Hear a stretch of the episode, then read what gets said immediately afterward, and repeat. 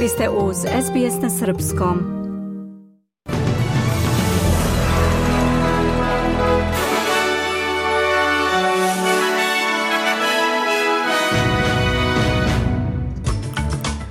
Premijer Albaneze sa liderima Sjedinjenih država i Kine na samitu apec u San Francisku. U bolnici u Gazi pronađen operativni komandni centar Hamasa, tvrdi vojska Izraela. U Beogradu preminuo poznati srpski glumac Žarko Laušević.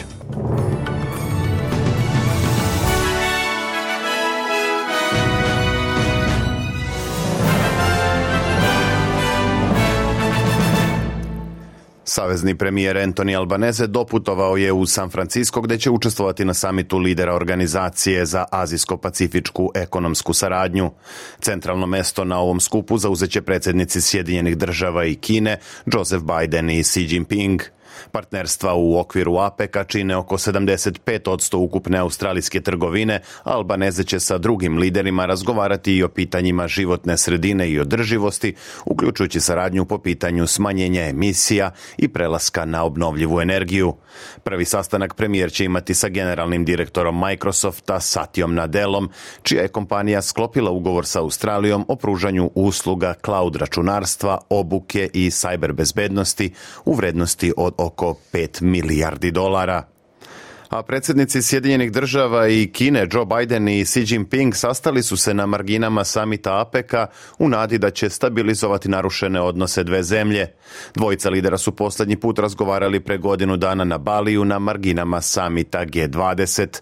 Od tada veze između ekonomskih supersila su zategnute zbog obaranja kineskog špijunskog balona, kao i zbog nesuglasica u vezi sa Tajvanom i drugih diplomatskih incidenata.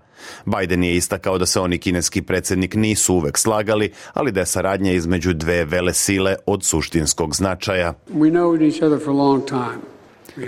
Dugo se poznajemo i nismo se uvek slagali što nikoga nije iznenadilo, ali naši sastanci su uvek bili iskreni, direktni i korisni. Moramo obezbediti da naš konkurentski odnos ne pređe u sukob. Takođe imamo odgovornost prema građanima da radimo zajedno kada je to u našem interesu, a kritični globalni izazovi s kojima se suočavamo od klimatskih promena preko borbe protiv narkotika do veštačke inteligencije zahtevaju zajedničke napore, rekao je Biden. Australijski ministar za imigraciju Andrew Giles predstavio je parlamentu predlog novog zakona o izmenama i dopunama zakona o migracijama. Ova uredba bi trebalo da postavi stroga ograničenja za tražioce azila koji su pušteni iz imigracionog pritvora nakon odluke Vrhovnog suda. Prošle nedelje sud je proglasio da pritvor imigranata na neodređeno vreme nije zakonit, što je dovelo do oslobađanja 83 pritvorenika. Među ograničenjima koja predviđa predlog zakona zakona biće i praćenje puštenih pritvorenika putem nanogice, uređaja koji se nosi oko nožnog zgloba, kao i obaveza javljanja vlastima prilikom svake promene njihovog statusa poput adrese ili materijalnog stanja. Svako kršenje viznih uslova može dovesti do novčanih ili dodatne zatvorske kazne. Ministar Charles je rekao i da vlada razmatra druge mere kako bi osigurala bezbednost zajednice, što je, kako je naveo, prioritet savezne vlade. Australijski avioprevoznik Kvanta suočit će se sa kaznom na krivičnom sudu koji je utvrdio da je ova kompanija prekršila zakone o zdravlju i bezbednosti na radu na početku pandemije covid -a. Krivični postupak pokrenut je nakon što je predstavnik za zdravlje i bezbednost Teo Seremetidis smenjen nekoliko sati nakon što je naložio drugim radnicima da obustave rad u februaru 2020. Njegova direktiva se odnosila na čišćenje i servisiranje aviona koji stižu iz Kine, a usled usledila je dan nakon što je savezna vlada zatvorila granice za direktne letove iz te zemlje. Nacionalni sekretar sindikata transportnih radnika Michael Kane opisao je Tea Seremetidisa kao heroja. Qantas yet again is the villain. Kvantas je opet u ulozi negativca, kaže Kane, ističući da je ovo drugi nalaz nezakonitih odluka kompanije u poslednjih devet nedelja. Nisu se obračunavali samo s radnicima, već i na propisno ovlašćene funkcionere kao što je Teo koji je hrabro stao u zaštitu bezbednosti australijske avioindustrije i cele javnosti. Prelazimo na vesti iz sveta. Izrael je saopštio da su njegove trupe u najvećoj bolnici u Gazi pronašle operativni komandni centar i imovinu koja pripada militantima Hamasa. Bolnica al shifa u Gazi postala je meta upada izraelskih snaga koje kažu da je srce Hamasovih operacija smešteno u tunelima ispod nje. Hamas demantuje ovakve tvrdnje. Portparol izraelske vojske kontraadmiral Daniel Hagari rekao je da su vojnici u sredu ušli u bolnicu i tamo pronašli oružje, borbenu i tehnološku opremu. IDF troops continue targeted operation. Naše trupe u ovom trenutku nastavljaju ciljenu operaciju unutar bolnice Šifa za koju smo iz obaveštajnih izvora znali da ima terorističku infrastrukturu. U bolnici smo pronašli oružje, obaveštajni materijal, vojnu tehnologiju i opremu. Pored toga lociran je operativni štab sa Hamasovim komunikacionim sredstvima i vojnom tehnologijom, rekao je portparol izraelske vojske. U Rusiji je počelo suđenje Dariji Trepovoj, 26-godišnjoj ženi koja je osumnjičena za bombaški napad na kafić u Sankt Peterburgu, u kojem je 2. aprila ubijen istaknuti ruski vojni bloger Vladlen Tatarski. U eksploziji bombe koja je bila smeštena u bisti darovanoj Tatarskom, ranjeno je preko 50 gostiju tog objekta. Trepova je optužena za teroristički napad, nedozvoljenu trgovinu eksplozivnim napravama i falsifikovanje dokumenata. Prema izveštajima ruskih američkih medija, ona je uhapšena ubrzo posle napada i pretio je kazna do 30 godina zatvora. Ubijeni Vladlen Tatarski bio je vatreni pristalica vojne akcije Kremlja u Ukrajini i putem interneta i društvenih mreža prenosio je redovne izveštaje o borbama sa prve linije fronta. U Srbiji je posle 14 dana predizbornih aktivnosti proglašeno ukupno 9 izbornih lista za parlamentarne izbore.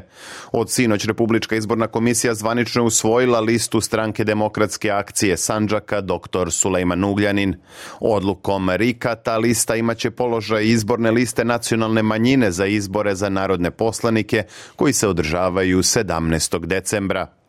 A istraživanja pokazuju da mladi u Srbiji u nešto većoj meri izbegavaju izbore i da ih među abstinentima ima više u odnosu na druge starosne kategorije. Ivo Čolović iz Centra za slobodne izbore i demokratiju rekao je za RTS da kod mladih generalno postoji manje interesovanje za izborni i politički proces kako u Srbiji tako i u svetu. On je istakao da ne postoji precizan registar koji bi mogao da pruži sliku demografskog profila prosečnog birača jer u Srbiji postoji postoji tajnost glasanja, a to znači da birački spisak posle izbora nije dostupan široj javnosti. Da li više glasaju mladi ili stari, da li glasaju više žene ili muškarci, visoko obrazovani ili manje obrazovani, stvari su koje moramo da saznamo isključivo kroz istraživanja javnog mjenja, rekao je Čolović. On je ukazao i na to da su društvene mreže potpuno preokrenule politički marketing, te da su političari shvatili da su im one i jeftini efikasan način da dođu do velike velikog broja potencijalnih glasača. Ambasada Francuske u Prištini saopštila je da će razmotriti vraćanje spomenika palim srpskim vojnicima u Prvom svetskom ratu na ranije mesto. Spomenik je izmešten nedavno u spomen park na Prištinskom pravoslavnom groblju, prenosi RTS. Iz ambasade poručuju da žale zbog polemike nastale u javnosti nakon pomeranja spomen ploče, te da će biti razmotrene sve tehničke mogućnosti kako bi svi spomenici na tom groblju bili okrenuti onako kako su prethodno stajali. U sadašnjim okolnostima, uz izazvane emocije, ambasada će zajedno sa svim stranama razmotriti tehničke mogućnosti kako bi svi spomenici na vojnom delu groblja bili okrenuti onako kako su prethodno stajali, navodi se u saopštenju francuske ambasade ambasade. Ambasada je takođe pozvala na poštovanje sećanja na sve pale vojnike tokom Prvog svetskog rata. Krivično vam pretresno veće Višeg suda u Beogradu potvrdilo je optužnicu protiv Vladimira K. i Miljane K. oca i majke dečaka koji je 3. maja u osnovnoj školi Vladislav Ribnikar ubio devet vršnjaka i čuvara te škole. Kako javlja Tanjug, pored roditelja optuženi su i vlasnik streljačkog kluba Partizan Practical Shooting Ratko I i instruktor u tom klubu Nemanja M. Protiv ovog rešenja dozvoljena je žalba apelacionom sudu u Beogradu u roku od tri dana, navodi se u saopštenju suda.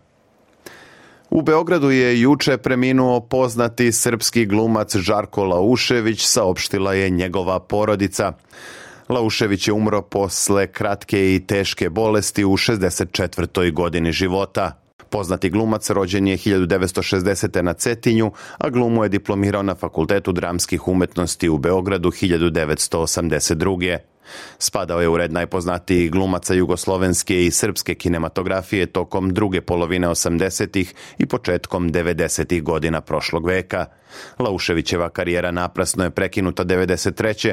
kada je uhapšen i osuđen zbog dvostrukog ubistva u Podgorici. Posle smanjenja kazne i puštanja iz zatvora, Laušević se odselio u Sjedinjene države. U Srbiju se vratio 2011. kada je objavio knjigu Godina prođe, dan nikada. Ostaće upamćen po ulogama u filmovima Šmeker, Dogodilo se na današnji dan, Braća po materiji, Boj na Kosovu, kao i po ulozi Šilje u seriji Sivi dom. Laušević se posljednjih godina vratio glumi i ostvario zapažene uloge u nekoliko filmova i serija. Opširnije o smrti Žarka Lauševića govorit ćemo kasnije u programu. Na međunarodnom tržištu valuta jedan australijski dolar danas vredi 65 američkih centi, 60 euro centi, 52 britanska penija i 70 srpskih dinara i 5 para. Futbalska reprezentacija Australije večeras počinje kvalifikacije za svetsko prvenstvo 2026. Sokerusi u prvom kolu grupne faze dočekuju selekciju Bangladeša, a utakmica se igra na Amy Parku u Melbourneu sa početkom u 20 časova po lokalnom vremenu. Posle ovog meča futbaleri Australije otputovaće u Kuvajt gde će idućeg utorka igrati protiv Palestine. Za to vreme futbaleri Srbije poraženi su u prijateljskom meču od Belgije 1 prema 0. Jedini gol na meču odigranom u Leuvenu postigao je kapiten domaćih Karasko već u drugom minutu posle velike greške Strahinje Pavlovića. Meč sa Belgijom bio je poslednja provera srpske reprezentacije pred odlučujući duel u kvalifikacijama za Evropsko prvenstvo 24. u nedelju protiv Bugarske.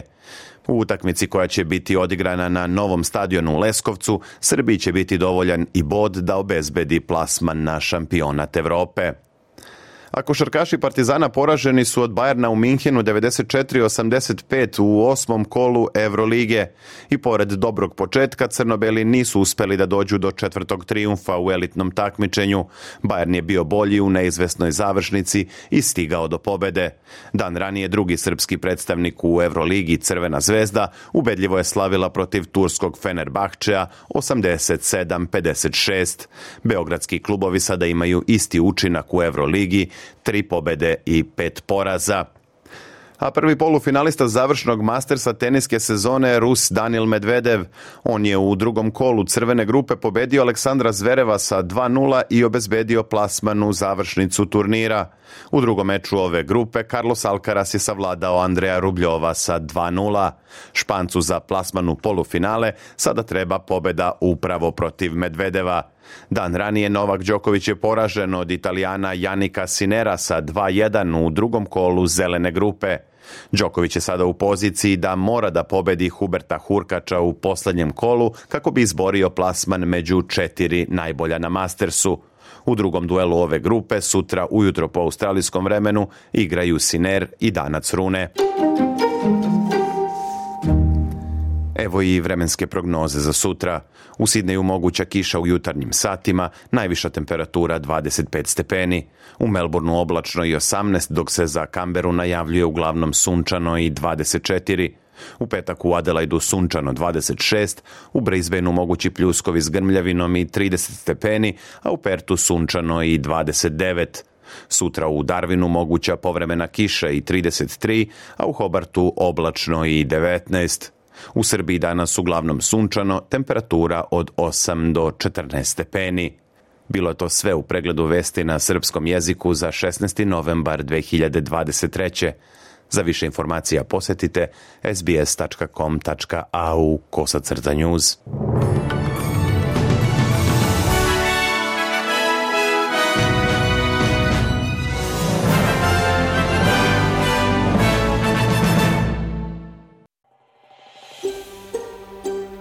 Želite da čujete još priča poput ove?